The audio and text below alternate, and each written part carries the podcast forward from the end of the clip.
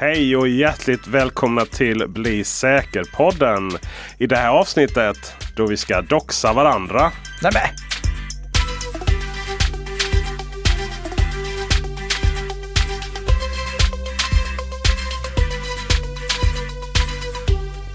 Ja, god morgon, god morgon. Och du Peter, Mm. jag tror inte att alla riktigt vet vad det här med doxing är för någonting. Alltså Nej. doxing, swatting och sånt. Det är ju sånt som bara ni YouTubers pysslar med.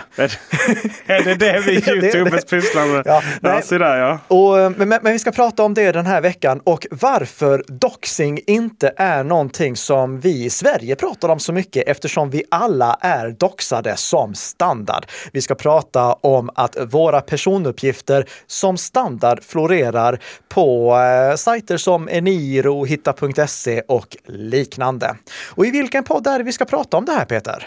I Bli säker-podden ju som är inspelat i ett ekonomiskt oberoende samarbete mellan Nika Systems och Bredband2.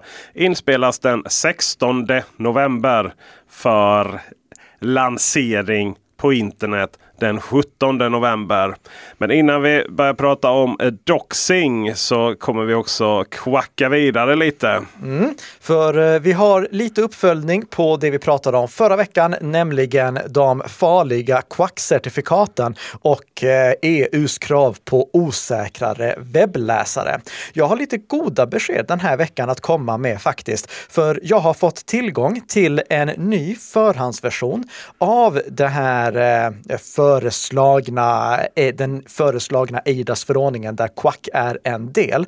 Och i recitals-delen, alltså där skälen förklaras, då finns det nu förslag på en ny text där det står så här, citat på engelska.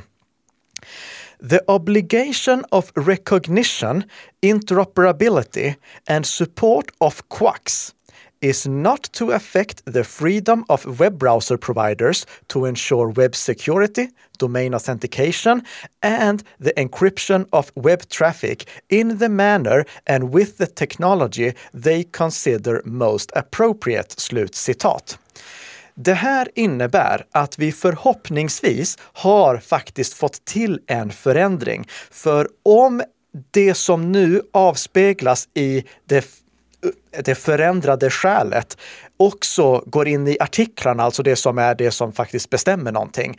Och det blir förtydligande kring vad som egentligen de här eh, eh, Quack-certifikaten ska göra då kan vi ha löst det huvudsakliga problemet.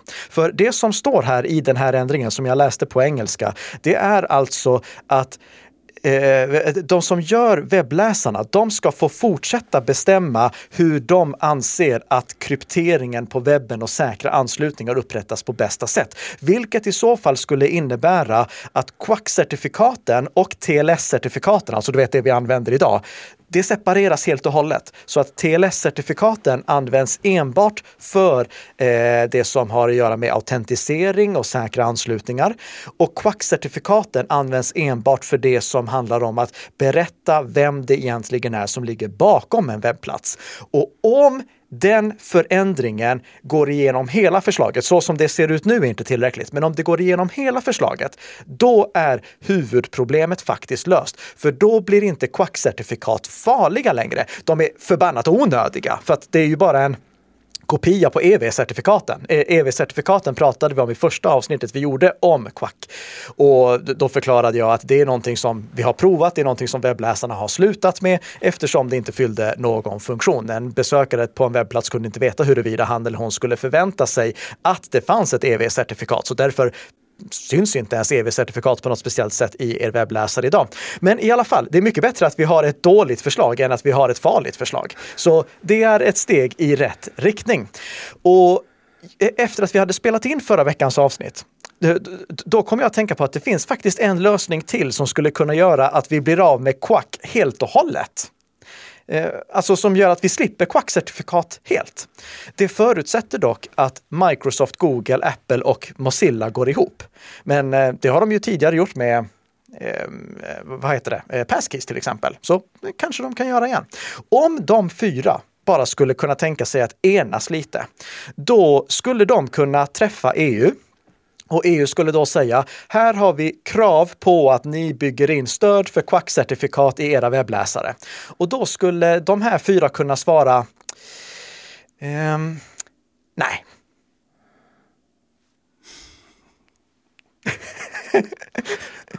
och, och, och, sen skulle diskussionen vara slut där. För vad ska EU säga?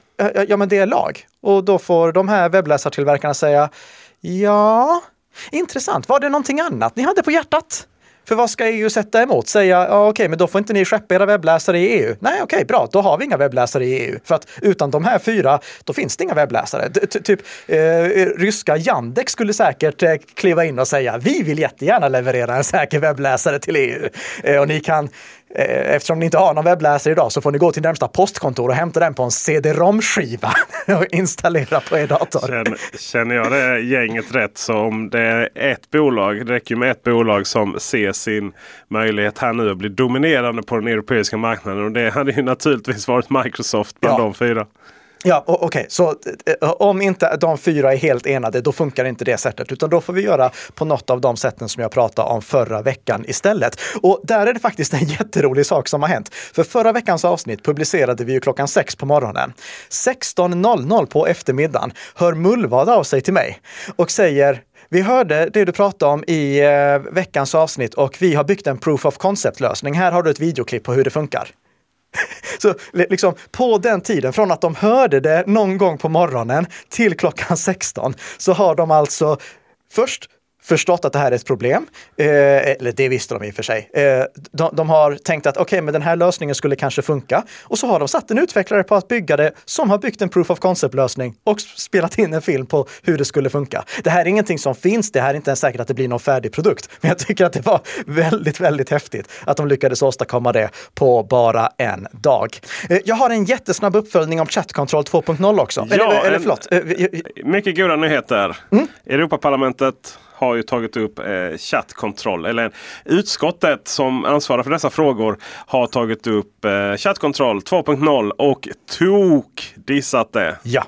LIBE-utskottet har alltså konstaterat att Chat Control 2.0 är rent vansinnigt och de har lagt fram ett nytt kompromissförslag där de har plockat bort de vansinniga delarna, eller de flesta vansinniga delar i alla fall. De har framförallt plockat bort biten om att totalstreckskrypterade konversationer ska kunna skannas. Det framgår väldigt tydligt att med kompromissförslaget som nu EU-parlamentet, förlåt, Europaparlamentet, har fått mandat att föra fram i trilogförhandlingar, det vill säga förhandlingarna mellan Europaparlamentet, EU-kommissionen och eh, rådet.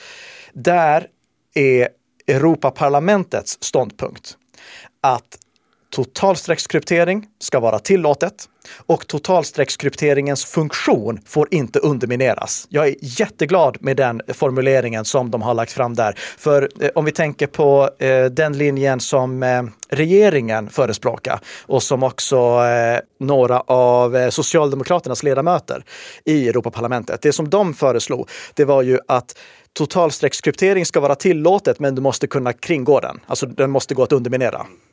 Så det, det är inte någon sån risk. Det, med det förslaget som eh, Europaparlamentet nu går till trilogförhandlingar med så är det klart och tydligt att totalstreckskrypteringens funktion får inte undermineras. Väldigt kul.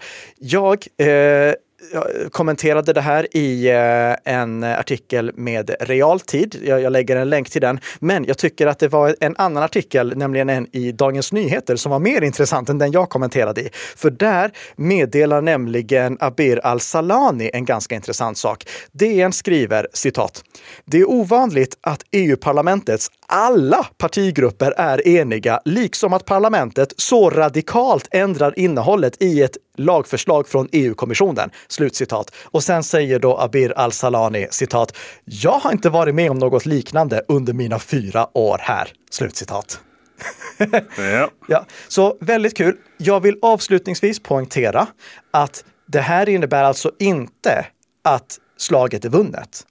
Nu är det trilogförhandlingar som stundar och då måste parlamentet, det vill säga där de EU-parlamentariker som vi har röstat fram, enas med rådet. Och i rådet så sitter de som eh, regeringen har utsett att ska representera Sverige. Så nu måste de enas.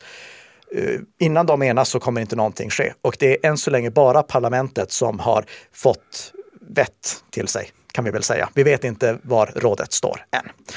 Okej, det var lite uppföljning om två stycken massövervakningsförslag. Ska vi gå vidare till någonting roligare som vi ändå avråder från?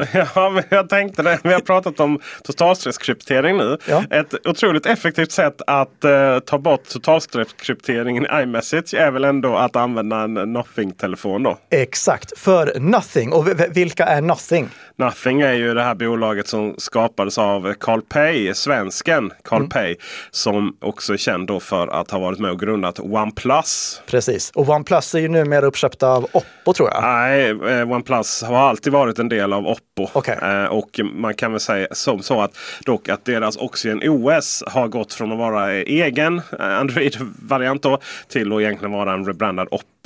Sådär. Men OnePlus har alltid varit det har alltid funnits en Oppo-telefon som är misstänkt likt OnePlus-telefoner och sådär. Så, Ah. att, eh, så det har ju alltid handlat om ett sätt för dem att komma ut då i västvärlden. Men eh, Carl Pei tröttnade väl till slut då och eh, startade Nothing. Eh, så, och de har, försöker göra saker lite annorlunda. Det får man väl minst sagt säga att detta är då när han tar iMessage till Android. Ja, i USA framför allt, då har diskussionen om eh, blue bubbles versus green bubbles varit väldigt stor. Alltså, det har varit problem för de som har varit Android-användare att bli socialt accepterade bland sina vänner eftersom de inte har kunnat delta i eh, Gruppmeddelanden då. Precis, Ja. gruppmeddelanden som de andra skickar via iMessage. Eh, Det är någonting som eh, alltså, på riktigt har påverkat ungdomar. Eh, Så de har varit, eh, de har känt sig tvungna att skaffa iPhones av det skälet. Men i alla fall, vad är det nu som då Carl Pei har gjort? Jo, han har lanserat en ny, eller ska lansera ska jag snarare säga,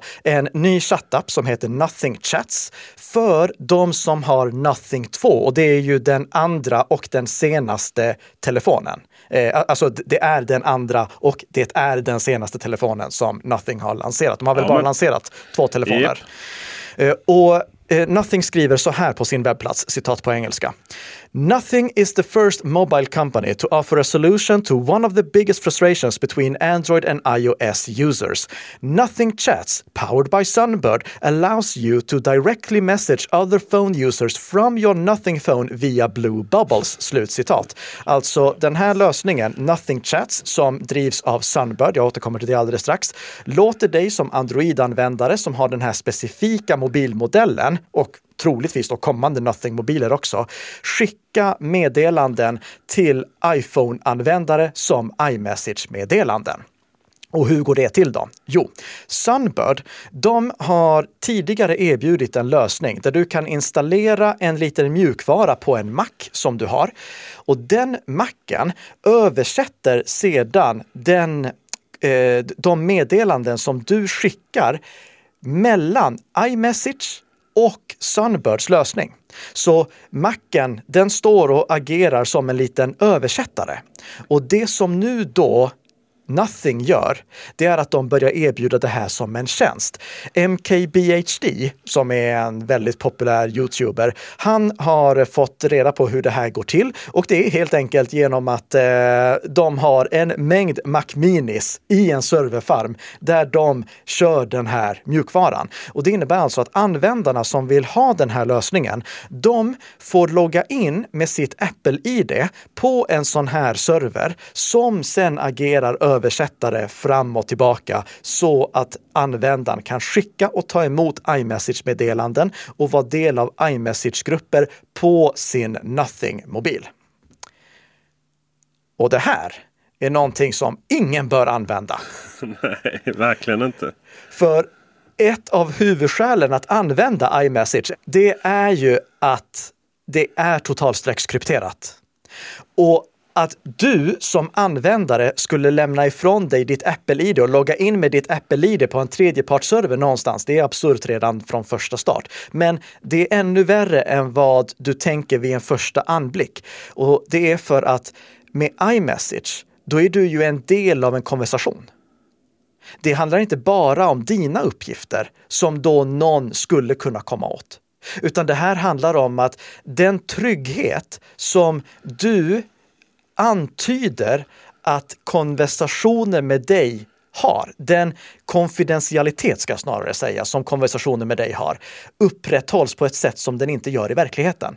Så folk som skickar gruppmeddelanden kan få sina gruppmeddelanden avlyssnade om du gör på det här sättet. Jag har inget skäl att misstro Carl CarlPay eller Sunbird. Men att kringgå totalstreckskrypteringen så att det får konsekvenser för andra är olämpligt. Och det finns ju en mycket bättre lösning. Peter, kan du komma på en mycket bättre lösning?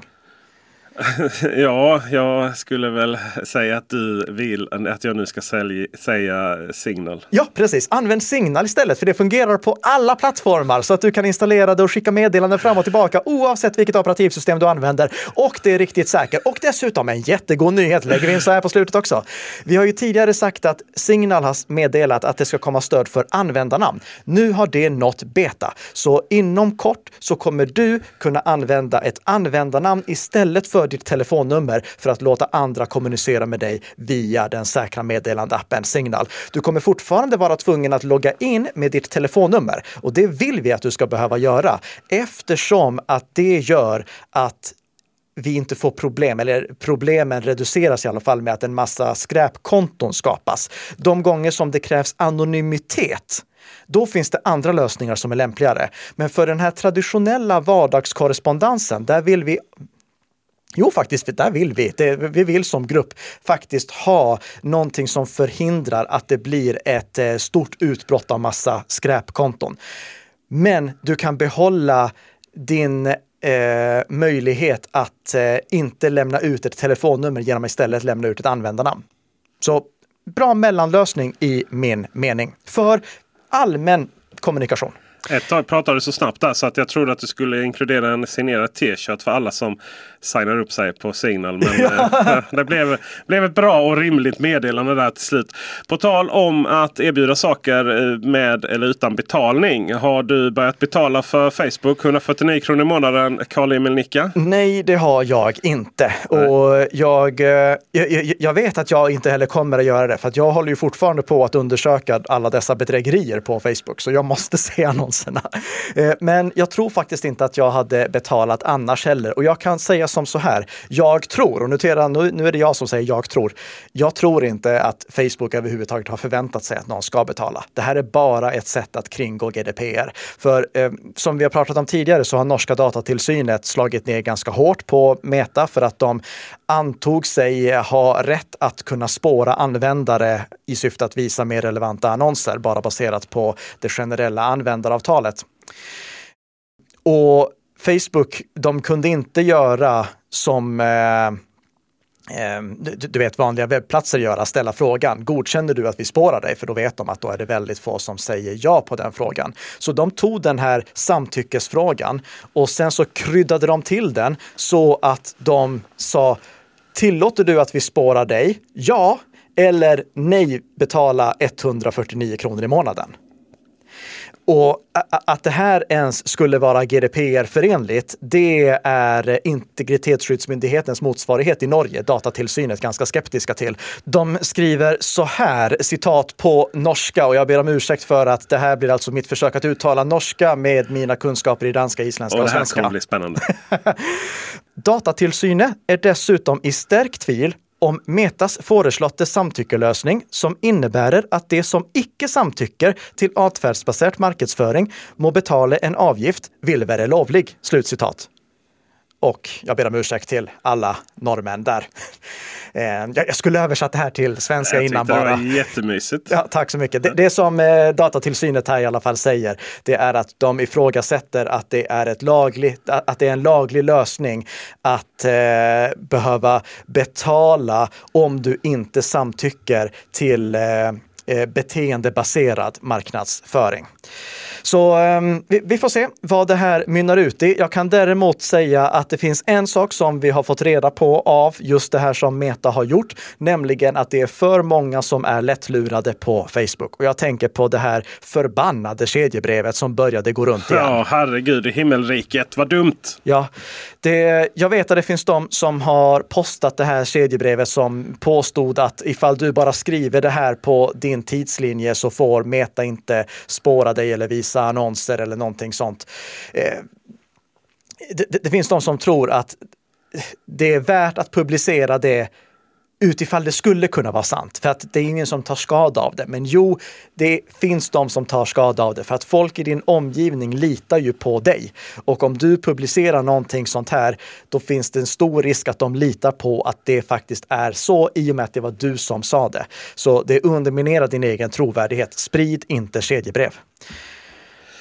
Okej. Okay. Ja, doxing alltså. Mm. Att eh, jag outar kan vi ju säga då i och med att vi åker ut i USA här mm. nu där detta är lite populärt.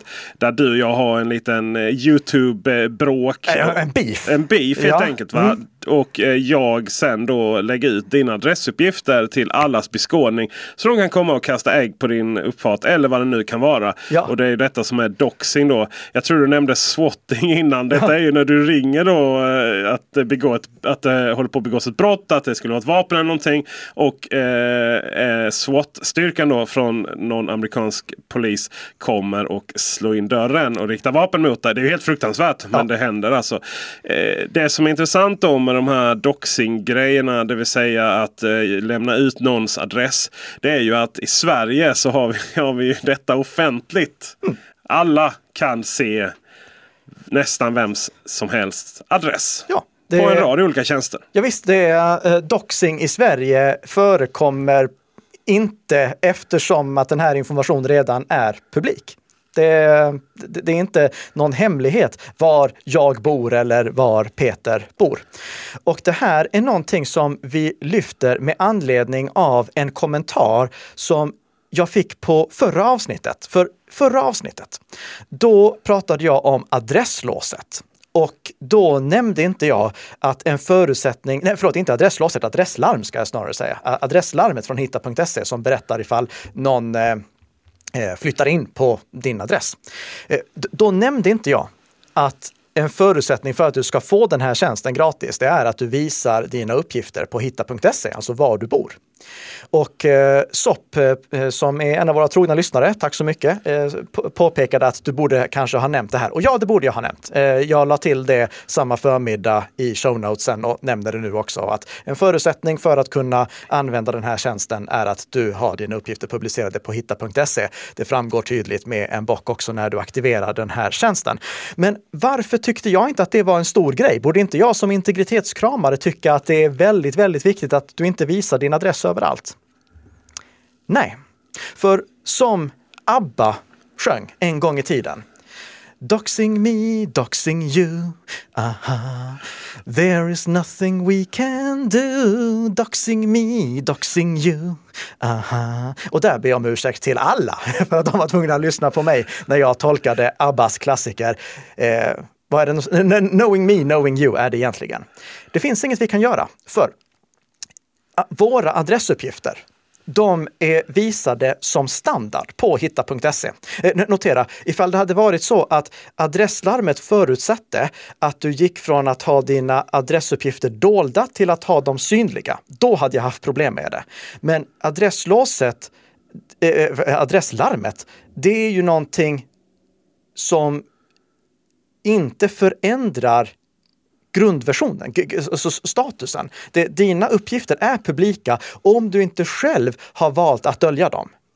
Och problemet är att det inte bara på hitta.se som din adress är publik, utan den finns också på till exempel Eniro och på Mr Koll och på Ratsit och på birthday.se och på merinfo.se och upplysning.se och säkert fler sådana här sajter som inte jag känner till. Och det här kan vara någonting som är lite underligt eftersom vi har GDPR. Borde inte GDPR skydda mot sånt här? Men nej, så är inte fallet, för det finns ett undantag i GDPR som gör att de här webbplatserna får publicera den här informationen på ett sökbart sätt. Vi har ju offentlighetsprincipen i Sverige, det vill säga oavsett om de här webbplatserna existerar eller inte så kan vem som helst eh, ringa till Skatteverket eller mejla till Skatteverket och be om att få reda på var någon bor. Men genom de här webbplatserna så kan också vem som helst söka upp den informationen utan att behöva ta sig mödan att kontakta Skatteverket. Anledningen till det förklarar Integritetsskyddsmyndigheten i ett blogginlägg där de svarar på frågan Har du svårt att få bort något om dig på nätet? Och där skriver de så här, citat. En innehavare av en databas, paus på citat, databas betyder webbplats i det här fallet, fortsättning, kan få grundlagsskydd för databasen genom att ansöka om utgivningsbevis. Utgivningsbevis utfärdas av Myndigheten för press, radio och tv och gäller i tio år. För att ett utgivningsbevis ska utfärdas krävs bland annat att en utgivare har utsetts och att överföringarna utgår från Sverige. Det ställs däremot inte upp några krav på att verksamheten ska ha ett visst innehåll eller syfte. Sen hoppar vi lite i citatet. Ett utgivningsbevis innebär att dataskyddsförordningens, GDPRs, regler om personuppgiftsbehandling inte gäller i den mån det skulle inkräkta på den grundlagsskyddade rätten till yttrandefrihet. Det innebär i praktiken att dataskyddsförordningen i de flesta fall inte gäller verksamheter med utgivningsbevis. Slutcitat. Och det är det här som gör att de här webbplatserna kan publicera var vi bor. De kan inte publicera till exempel vilket etniskt ursprung vi har eller vilken politisk åskådning vi har. Men om vi tänker på de här sakerna som till exempel adresser. Det är någonting som de kan publicera rakt upp och ner. Och vet du vad Peter? Jag tror inte att det var tanken från första början. Det... Nej, det handlade ju naturligtvis om att det skulle gå att bedriva en journalistisk verksamhet. Ja. Eh, så att inte GDPR hindrade allt. Det, eh, det, det, här är ju någonting som går tillbaka före GDPR till och med, till när vi hade personuppgiftslagen. Och jag, jag tror att det här med utgivningsbevis, det var ju någonting som vi fick för, eh, just som du sa, journalistiska ändamål. Till exempel Peter Forsmans Internet Sweden-blogg som vi ofta har refererat till. Den har utgivningsbevis och det är så att han ska ha ha grundlagsskyddet. Jag tror inte meningen var att det skulle kunna byggas databaser, och nu menar jag databaser, sökbara databaser med våra personuppgifter så att de var så här lättåtkomliga. Ehm, det, det, är givetvis en stor diskussion. Hur, alltså hur långt ska offentlighetsprincipen gå? Ska det vara så här lätt att få tillgång till den här informationen? Och det är någonting som nu regeringen faktiskt vill se över. I oktober, då skickade de ut ett pressmeddelande som inleddes citat Regeringen har gett en särskild utredare i uppdrag att se över grundlagsskyddet för vissa söktjänster som offentliggör personuppgifter. Slutcitat. Där i står också att citat, en viktig del av uppdraget handlar om att utreda grundlagsskyddet för söktjänster som offentliggör personuppgifter, till exempel uppgifter om adress, telefonnummer, ålder och andra uppgifter som berör enskilda person, enskildas personliga förhållanden. Det är uppgifter som lätt kan användas av kriminella för att kartlägga tänkbara offer i planeringen av brott, till exempel för att genomföra skjutningar, sprängningar eller begå bedrägerier mot äldre. Dagens söktjänster omfattas normalt av det skydd för yttrandefriheten som finns i yttrandefrihetsgrundlagen. Genom att ha beviljats ett utgivningsbevis för verksamheten har de ett så kallat frivilligt grundlagsskydd enligt grundlagens databasregel. Utredaren ska därför ta ställning till om det finns behov av att inskränka detta grundlagsskydd och ska vid behov lämna förslag på förändringar i lagstiftningen. Uppdraget ska redovisas senast 15 november 2024. Slutcitat. Eftersom vi har den här situationen som vi har idag under överblickbar framtid så tänkte jag, okej, okay, går det att rensa bort den här informationen? Så jag tog de sajterna som liksom låg top of mind och så kollade jag, går det att plocka bort min adress härifrån? Jag gick till Eniro, där var det väldigt lätt. Jag gick bara till en specifik webbsida på Eniros webbplats och där kunde jag med hjälp av BankID ta bort mina uppgifter från eniro.se. Sen gick jag till hitta.se och där hittade jag en eh, hjälpartikel där det fanns en länk som jag kunde klicka på för att ta bort mina uppgifter. Jag loggade in med BankID och där var meningen att mina uppgifter sen skulle försvinna, men det funkade inte.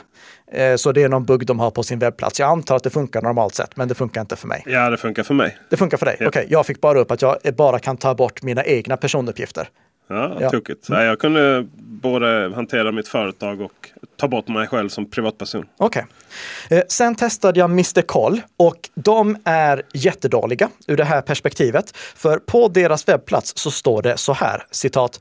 Du kan med hjälp av BankID välja att tillfälligt hindra din utdelningsadress från att visas på Mr. Koll under 30 dagar. Sen hoppar vi lite i citatet. När 30 dagar har passerat blir adressen återigen synlig. Om du vill förlänga tiden ytterligare behöver du då återigen med hjälp av BankID logga in för att markera adressen som dold. Slutcitat. Så de vill inte ge dig möjligheten att dölja din adress. Nej, de, och de menar ju att det står ju också där men det här kan vara bra till exempel om du håller på flyttar och sådana saker. Och, Ja. ja. vad det nu kan vara. Men ja, Det, jag, jag är inte intresserad av det för att jag flyttar, utan jag är intresserad av det för att jag kanske, och nu menar jag ni lyssnare, ni kanske inte vill att den här informationen ska vara så lättillgänglig. Eh, Ratsit, de skriver så här. Önskar du bli dold i vårt publika sök i tre år åt gången kan du kontakta kundservice så hjälper de dig med hur du går tillväga. Birthday.se de eh, säger att man kan plocka bort sina eh, kontaktuppgifter därifrån. Eh, men det plockas då bara bort från det publika söket, inte från det inloggade läget. kan väl vara gott nog kanske. Eh, förutom att det inte kostar någonting att skapa ett konto. Nej, men det finns ändå en liten tröskel där. Ja, det finns en liten tröskel. Ja. Eh, mer info, klockrent där också, en eh, webbplats, att gå till en webbsida på en webbplats, logga in med BankID och så plockar man bort sina personuppgifter. Upplysning.se däremot, där hittar jag ingen information alls. Det fanns ett kontaktformulär som kanske kan användas för att få ens uppgifter bortplockade. Men med anledning av det här så har ni bakgrunden till varför jag inte såg just den här biten med eh, adresslarmet som kritisk. Jag förstår självfallet om det är de som inte vill skaffa adresslarmet på grund av att det kräver att du har dina eh, uppgifter publicerade på hitta.se.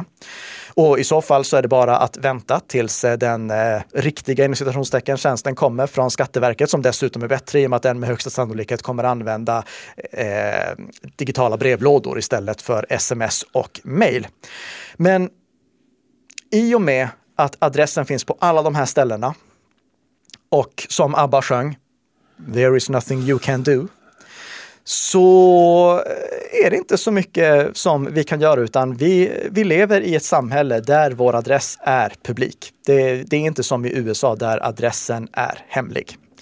Jag fick en feedback till från eh, förra veckan och det var eh, Laban Sköllemark som tipsar om att Skatteverket redan idag erbjuder en funktion för att eh, kolla om någon annan är skriven på ens adress. Det är alltså inte så att man får en varning så som det kommer vara i framtiden hos Skatteverket, men du kan själv gå in och kolla om någon är skriven på din adress. Vi lägger en länk till det i våra show notes och ett litet tips till er det är att under show notesen där finns det möjlighet på alla avsnitt att lämna kommentarer om ni känner för det. Och när ni ändå är inne och kommenterar, passa då också på att prenumerera på podden, för då får ni redan nästa vecka är det va? Ja, Brukar det vara ja. ett nytt avsnitt av Bli säker-podden som gör dig lite säkrare för varje vecka som går. Tack så mycket för att du har lyssnat.